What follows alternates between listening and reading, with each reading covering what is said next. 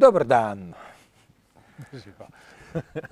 13 milijard, 13 milijard evrov je kazen, ki jo je Evropska komisija naložila tvrdki iz Kalifornije Apple, ki proizvaja te lepe, lepe strojčke, telefončke. Zaradi tega, ker uh, so na trgih Evropske unije izigravali davčna pravila.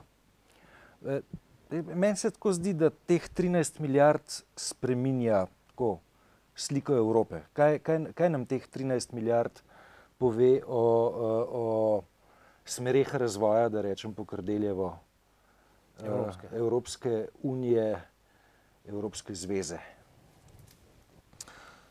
To je, to je zelo težko vprašanje, ampak jaz bi ga postavil v kontekst Brexita, se mi zdi, da bi ga bilo pametno postaviti, plus tega pa v kontekst tega, kar, eh, kar nam sivile se, to je pa neoliberalizma, ki se pospešuje v zadnjem času. To se pravi, To mislim, da imaš tam nekje na Irskem, ne, veš, verigo podjetij, ki jih optimiziraš tako, da na koncu ne plačaš niti enega odstotka davka na dobiček, ampak nekaj promile. Ne. To je tako. To pa je neoliberalizem. Ja, lej, če se spomniš, um, kaj je rekel Nigel Farage, to se pravi ta, um, ta um, evropski poslanec, angliški evropski poslanec, uh, populistični, ne, je očital Evropi, da je preregulirana. Ne, in v bistvu je hotel povedati to, bi, če, bi, če bi še imel možnost, ne, da to, kar je Evropska komisija zdaj naredila, ali pa ne vem kdo, sodišče, kdo je to naredil, sodišče. Se, lej, Evropska komisija, Komisija ima je- svoje ustanove, ne, Tako, ena ne. od njih je Skratka, 13 zadolžena milijard, za varstvo konkurence. 13 milijard davkov je menila Evropska komisija lahko še kako koristno porabi. Recimo, domnevam, ne, da, da, da to namerava u- usmerjati v evropske strukturne sklade oziroma kohezijske sklade. Ne, Mislim, na prvem reče. mestu bi bo neki od, prijateljska Irska nekaj imela od tega. Ne, tudi. Ja. Irska je bila država, ki je šla eh, prva ali pa med prvimi v, v, se pravi, pod maastrichtske kriterije v, v krizi. Ne. To se pravi, ko je nastala po letu 2000, če se ne motim, se je začel tam 6-7. Ja. Um, in Irska je potem zelo, zelo poslušno delala to, kar, so, kar je rekla Evropska trojka, če se prav spominjam, in sicer je bila tudi sanacija bančnega sistema. Ne. Uh, zato, da so se lahko pobrali, če se jaz pravilno spominjam, so drastično nižali davke, zato da bi, da bi podjetja, kakršna je Apple, prihajala, da bi jih privabili na njihov teren. A Drži. No, in- Facebook in- tudi, recimo. Facebook in tako. Zdaj, oni so prišli tja zato, ker so imeli eh, izredno ugodne olajšave, zdaj so dobili pa 12 milijard kazni. Ne? 13. 13, ne? To, pravi, to so protislovna sporočila. Če, če drži, da je Evropska unija na ta način hotela povedati, da, Evrop, da pač po Brexitu Evropska unija več ne more biti samo parkirišče kapitala, ampak hoče uh, vzpostaviti neko raven bivanja, v katerem bo, uh, se bo v bistvu celotna družba skladno razvijala, da bo bolj neegalitarna, ampak da ne bo neenaka v možnostih, ne, da ne bo neenaka v izhodiščih, potem so to zame pravilna sporočila. Ker problem neenakosti v možnostih je preprosto v tem, da tisti, ki so ekstremno bogati, in Apple je ekstremno bogat, je plačal na irskem davka stopne enako nič celih. Ja, mislim, to, ne. bi, to, kad bi ne, na Brezovci kakšen SP plačal, ne, Tako, tako pod črto. Ne. Skratka, skoraj da nič, medtem ko uh, je, um, to se pravi, uh, prebiva, poprečen prebivalec Evropa, Evrope, zlasti obrobja Evrope, obreme, davčno obremenjen, predvsem pa socialno uh, depriviran v recimo tisočkratniku. Ne? To se pravi, glavni problem Evrope, če je začela na ta način, in se mi zdi, da bi bilo pač potrebno začeti na ta način, je v tem, da ta trenutek dopušča Evropo neenakosti in ne deli z ljudmi iste prijaznosti, kot jo je do sedaj no, delila, delila s kapitalom. Naprimer, uh, mi imamo še zdaj podjetja, uh, te dni smo mi v delu o tem pač tudi pisali, ne, uh, s tako imenovanimi, s tistimi uh, prekernimi delavci, ki se nekje na, na, na periferiji Evrope, nekje v eni državi, periferni državi zaposlijo, potem hodijo pa v razvite države, tako rekoč v, v služensko delo. Ne. Z, ker so zakonodaje uh, recimo vem, v Nemčiji, Avstriji, Švici, kaj se jim vse lepo urejene. Ti delavci ne uh, delujejo po njihovih zakonodajah, ker niso zaposleni tam, ampak delujejo po zakonodajah periferije. In tako se lahko zgodi, da imajo delavci, slišal sem, da tudi do samo 100 evrov plače na mesec. Ne? Ja.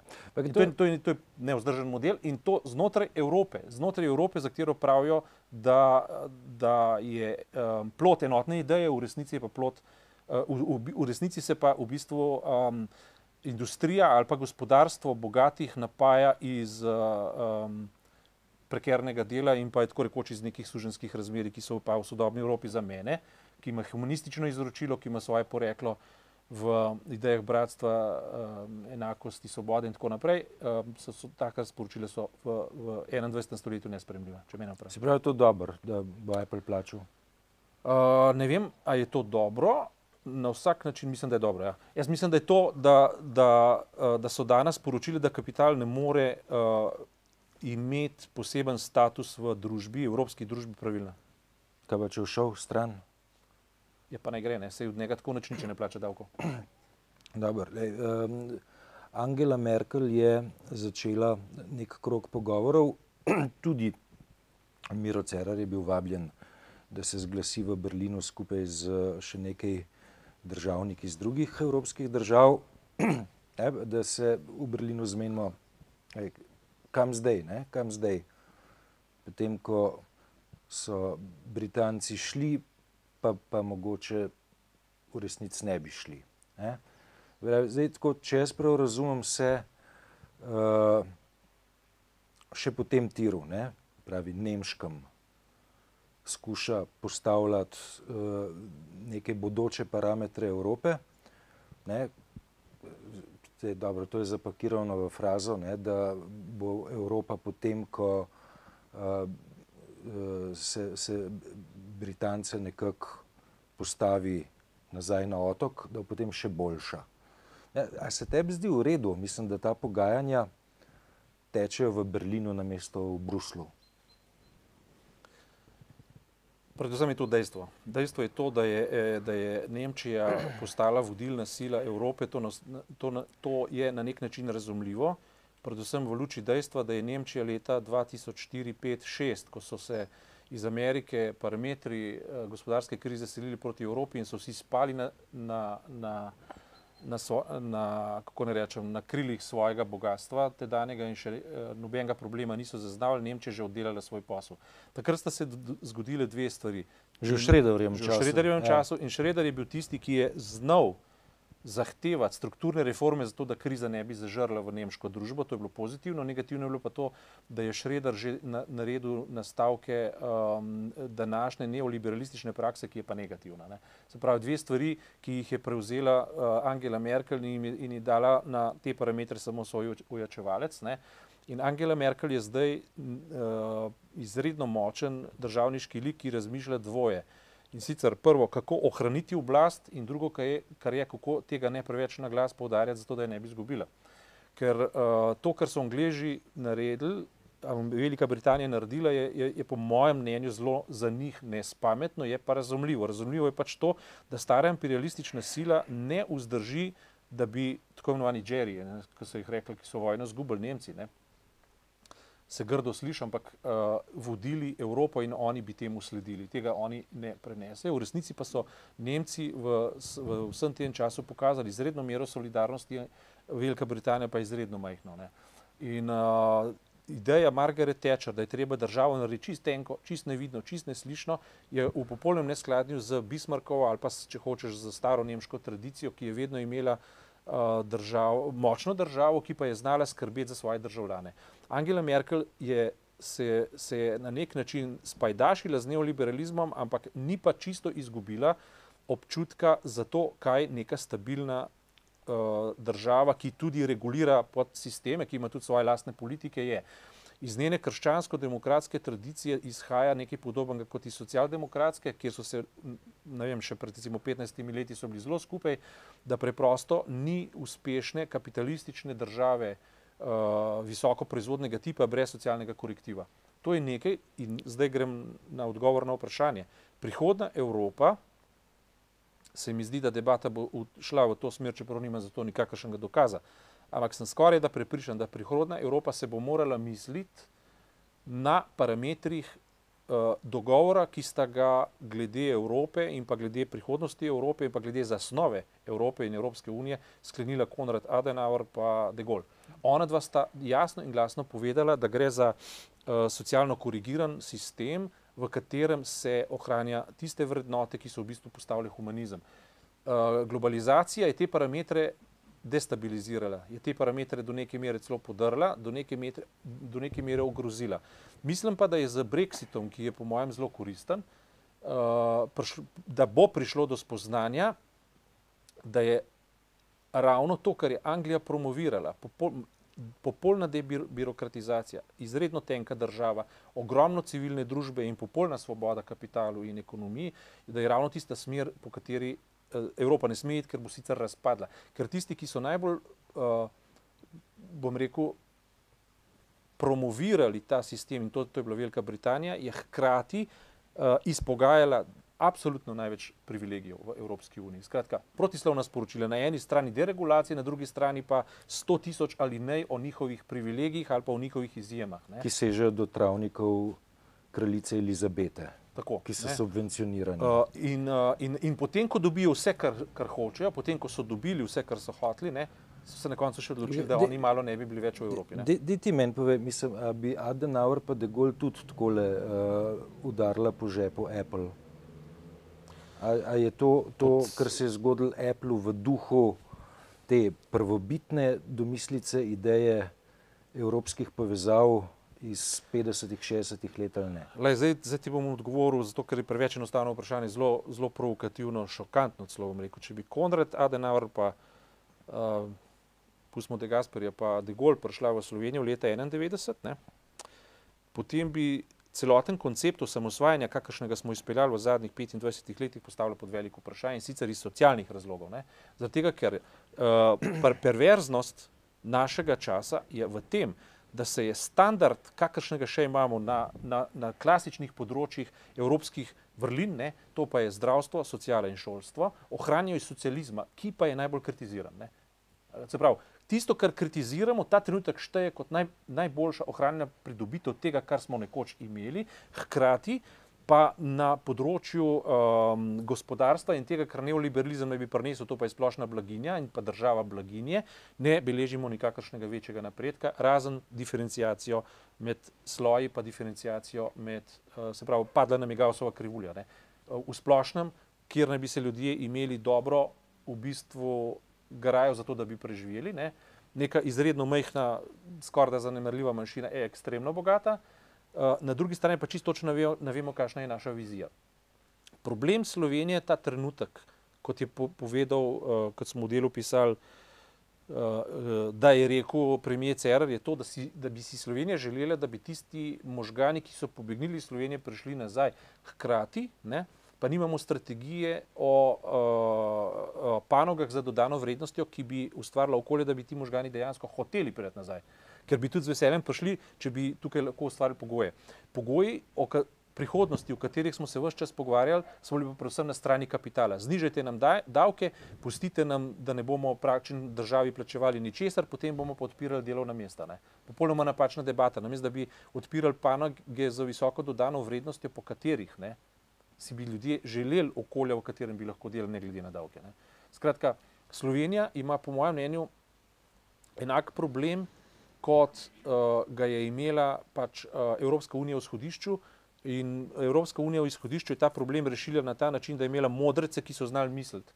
Uh, Slovenija ta trenutek ima pa problem umankanja ljudi, ki bi znali ali pa hoteli misliti o prihodnosti, ker se zdi, kot da v tem trenutku, uh, in to je moj največji učitek uh, srebrnemu jubileju Slovenije, 25-letnici, da je bolj šlo za privatizacijo, družbenega premoženja, da je bolj šlo za izkoriščanje priložnosti, ki jih je uh, ponudila nova uh, prvotna akumulacija. Nova prvotna akumulacija se je začela pa z zakonom o denacionalizaciji, nova prvotna akumulacija se je začela s tem, ko so družbene firme naenkrat morale po sili dobiti nove lastnike in novi lastniki so bili tisti, ki so bili najbolj sposobni, najbolj pohlepni, najbolj blizu in tako naprej. In smo v bistvu kaj rečem, 15 let zgubili na tem, da so se uh, zadeve lastline namesto, da bi šli v razvoj, potem je prišla kriza, smo pa 10 let reševali krizo. V skupnem seštevku se temu reče 25 let in zdaj sedimo tukaj, ko v bistvu ugotavljamo, da nimamo uh, razmisleka o tem, kako bi sploh odprli perspektivo za tisto, kar nam je pa najbolj dragoceno, recimo za naše otroke, če, že, če smo že svojo zavozili. Jaz sem, sem zadnjič gledal davčne podatke, ne, pravi, koliko dohodnine prijavljajo ljudje. Ne. Več tisto, kar mi je bilo usupljivo, niti ni to, da uh, v Sloveniji živi 488 oseb, ki mesečno neto zaslužijo več kot 10 tisoč evrov. Ne to, da je 488 oseb, ki so za slovenske pojme zelo bogati, v redu. Tisto, kar je hecen, ne navadno, strašljivo, ne? Je to, da je na, se pravi, če, če bi to v graf zložili, ne? na, na levi strani, na, na desni strani, tam okrog točke nič, skoncentriranih okrog 200 tisoč ljudi, ne, se pravi, to, je, to so dohodki, minimalna plača ali pod, ne, da je uh, zelo velika večina uh, dohodkov med minimalno plačo in povprečjem, medtem ko se tam od povprečja proti uh, omenjenim 10 tisočem, 10 tisoč evrov na mesec, se to zelo, zelo tanjša. Zakaj mi je to nenavadno? Ne? Znači, ker Eh, po uh, statističnih zakonitostih ne, so sposobnosti ljudi nekako razdeljene tako, da zelo nesposobnih je mal, zelo, zelo sposobnih je mal, največ je tistih, ki so v povprečju. Ne, in imamo tak zvonček. Ne. Se pravi, bi bilo izhajajoč iz tega uh, logično pričakovati, da je tudi pri dohodkih tako. Ne. Se pravi, relativno malo tistih z najnižjimi dohodki, relativno malo teh z visokimi ali zelo visokimi dohodki in uh, velika glavnina uh, znotraj, znotraj povprečja. Ne, v resnici je povprečje zelo tanko, ne, se pravi, od minimalca do povprečja imamo daleč največ, od, od povprečja proti 2, 3, 4, 5, 8 kratnikom, je pa v resnici zelo malo ljudi. Ne? Pravi, ta slika, uh, ne, ki, če, če o grafih govorim, ne, namesto da bi imeli Gaussovo krivuljo, zvon, ne, imamo skakalnico, ne, whoops, ne, ne, na kateri, na kateri uh, zelo, zelo malo ljudi lahko leti še dlje. Uh, kaj je šlo na robe? Ja, na robe je šlo to, da smo izgubili v bistvu karakter solidarne in družbe, ki bi upoštevala mo, enakost v možnostih v izhodišču. Podarili, prvič, drugič, podarili smo tradicionalni srednji sloj, po katerem je Evropa vedno slonila kot nekaj posebnega, kot nekaj omogočujočega. Meščanska družba, ki je, ki je lahko razvijala kulturo, ki je lahko razvijala vrednote, ki je lahko razvijala vednost. Ne. Um, ehm, 400 ljudi, ki zaslužijo 10 tisoč evrov na mesec, ne pomeni popolnoma nič. To je v bistvu sramota za države, takih bi moralo biti več. Ne? To ni problem. Problem je uh, v tem, kar si rekel, v, tisti, uh, v, zvo, v zvonasti obliki struk, družbene strukture. Prvič, drugič pa problem je preprosto v tem, da. V odsotnosti zvonaste strukture. Tako, ja, v ja. odsotnosti zvonaste strukture, drugič pa v tem, da namesto, da bi, uh, da bi uh, Slovenija uh, načrtovala svojo prihodnost v dodajanju priložnosti, dodajanju panok, dodajanju znanja, dodajanju sinergijah, če hočeš, komplementarnosti in tako naprej, ne, uh, si je v bistvu prigradila mentaliteto, da je to, kar imamo, to, kar je, in zdaj se je treba pa začeti zače grebs za plen. Ne. In ta mentaliteta plenjenja se je zažrla v sisteme, v katerih se nikoli ne bi smela zažeti, naprimer v zdravstvo, naprimer v šolstvo. Naprimer, no, v socialo se ni zažrla, ker tam se težko kaj vzame, ampak standard pada, ne, socialni. Ne. In zgodilo se je preprosto, in to, in to so bile negativne posledice ZUIF-a tudi, ne, ko, so, ko je, to, to pa imamo, uh, se zahvaliti tudi Angeli Merkel in Nemčiji, ne, da so brutalno uvedli tako imenovane austerity measures po mentaliteti, ki, Nemči, ki jo Nemčija prenese, Grčija jo pa ne. v Sloveniji smo jo Mi smo prenesli. bolj mediteranci. No? Že sam, mi Ja. smo to mentaliteto dejansko prenesli, ampak poškodbe so pa, so pa neverjetne. Ne? Recimo, če bi Grki imeli drug program, ne austerity measures ali zategovanja pasu in vrčevalnih programov, potem se verjetno begunski val, ki se je zavalil čez Grčijo, ne bi procesiral na tak način, kot se je. Se pravi, v končnem seštevku večja škoda, namesto manjša škoda, ne? domnevam. Ne? Manj nacionalizma, manj ksenofobije, manj vsega. V Sloveniji, ne, kot sva uh, se naučila v intervjuju z skupnim intervjujem z Profesorjem Nikom. Tošem, ne, recimo v zdravstvu, uh, se svet postavlja črno-belo. To se pravi, ali samo dve možnosti sta in to je tipičen neoliberalni pogled. Ali bomo zmanjšali pravice, ali pa rabimo več denarja. Vmes ni pa nič. Ne. Vmes ni prostora za optimalizacijo, za fleksibilizacijo, vmes ni prostora za, za to, da, da se mehen pogovori z temi zdravstvenimi sistemi in pa z očkodninskimi zavarovalnicami, da ne nehajo napihovati potrebe po nenehnih, nepotrebnih pogledih, samo zato, da se zdravniki zavarujejo, da ne bodo toženi in tako naprej. Vmes ni nobenega prostora za demonopolizacijo monopolistov in koncev, če hočete, mi dva so toliko avtonomna, da lahko to uh, javno rečeva. Dajmo se vendar soočati tudi s korupcijo. Se korupcije je ne, neverjetno veliko ne, v teh sistemih. Ne. Ampak, če potegnemo pa črto, ne, mi nimamo političnega ali pa družbe, družbenega, že imamo akademskega sploh, ne, ampak političnega gremija pa nimamo, ki bi prepričljivo, zavezujoče in tudi tako, da bi ljudje verjeli, preprosto rekli, da so javni sistemi, kot so zdravstvo, kot so socijala in kot so javna šola, tako velika vrednota, da jo je preprosto treba podpreti z dodatnimi investicijami, zato da bi bilo na koncu koncev izplen večji in da bi se na ta način lahko privrčevalo ogromno denarja, ki se ga izgubi zaradi tega, ker ti sistemi, pro, eh, ne bom rekel, da propadajo, se še delujejo, ampak slabijo. Ne? slabijo ne? Zdaj pa, kaj je, kaj je ključna, zdaj, zdaj me, če me vprašaš, kakšen model pa bi Slovenija vendar mogla imeti za to, da bi vzdržala kapitalizem in zadržala socializem.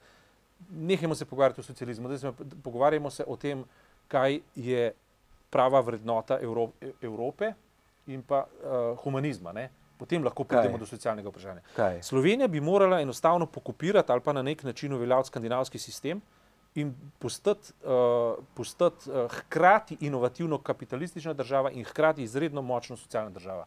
Da bi to lahko dosegla, mora ukrepiti sisteme, uh, sisteme pravne države in pa seveda notranje družbene in politične kulture. Ne. Mi bi preprosto morali prevzeti elemente protestantske etike, ne pa mediteransko-katoliškega voluntarizma, po katerem se vse da zmeniti, če pravi ljudi poznaš. To je narobe. Ne. In zdaj, če, čez noč tega pač ne moreš spremeniti, to je jasno. Ampak ti zdaj hočeš reformacijo. Jaz zdaj hočem debato.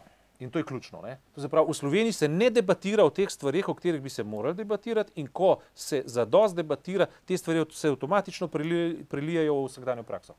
Se strinjaš s tem? Vse. Torej, debatiraj več. Ne? Le, jaz sprašujem. jaz mislim, tukaj da debatiramo, ne da ti sprašuješ, jaz pa odgovarjam. Uh, kaj mi še povej? Aha. Ej, Marjana Podobnika so vrgli ven iz Slovenske ljudske stranke. Prav. A to spreminja, zdaj, to, kar smo zdaj govorili, bo to lažje doseči ali še težje? Marjan, Marjan je vseeno bil en faktor ne, tam v 90-ih letih. Lej, ključna ugotovitev um, mojih e, zadnjoletnih, enoletnih premišljevanj je, o, Slo, o Sloveniji ob jubileju je, je sledeča. Ne. To se pravi, po osi staro-novo, to se pravi, leto 91 je preukretnica. Do takrat je bilo vse staro, zdaj je vse novo. No, ta ideologija je kompromitirana. To, to se je izkazalo, da ni res. Se pravi, demokracija, kot bi si jo želeli implementirati, je bila najprej mišljena kot prvič, kar je na, na ravni um, politično-filozofskega ali pa če hočeš novorevijaškega koncepta, je bilo zakoncipirano, da se prelevimo iz naroda v nacijo, kar pomeni iz nekega prigodnega vsote slovencev, ki govorijo isti jezik in so iste krvi in istih korenin, da se pretvorimo v moderno tvorbo, ki postane subjekt do te mere, da smo odgovorni, da lahko postavimo moderno državo, dogovorjena pravila, ustavo in, in zagotovimo vnaprej uh, uh, um, znane kriterije, ki veljajo za vse enako. Ne? Se pravi, ne glede na kri, kromosome in tako naprej. To je bil en, en cilj. Drug cilj je to, da pripeljemo v državo demokracijo, oziroma da to isto državo demokratiziramo,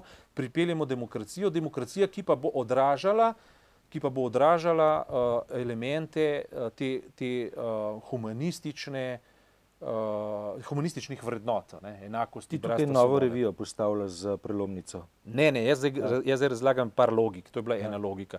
Druga logika bom, je bila. Bom potem jaz še dodal eno prelomnico. Ja, druga logika je bila v demokratizaciji, ki je potekala v starih uh, družbeno-političnih strukturah in se je pač preobražala deset let napram Jugoslaviji. Ne, Uh, in, in si je, in si je uh, uh, pač, um, na nek način um, pričakovala, da bo ta njen napor upoštevan, da ne bo razglašen kot uh, da, da ni nič vreden, da ni nič prispeval k demokraciji, eh, tako na gospodarski kot na demokratični ravni. Tretja raven je pa, uh, je pa sloj um, atavizmov, ki so oživeli iz uh, obdobja izpred uh, druge svetovne vojne. Ne. To se pravi SLS in uh, gibanja, recimo kmečka gibanja, krščansko-demokratska in tako naprej.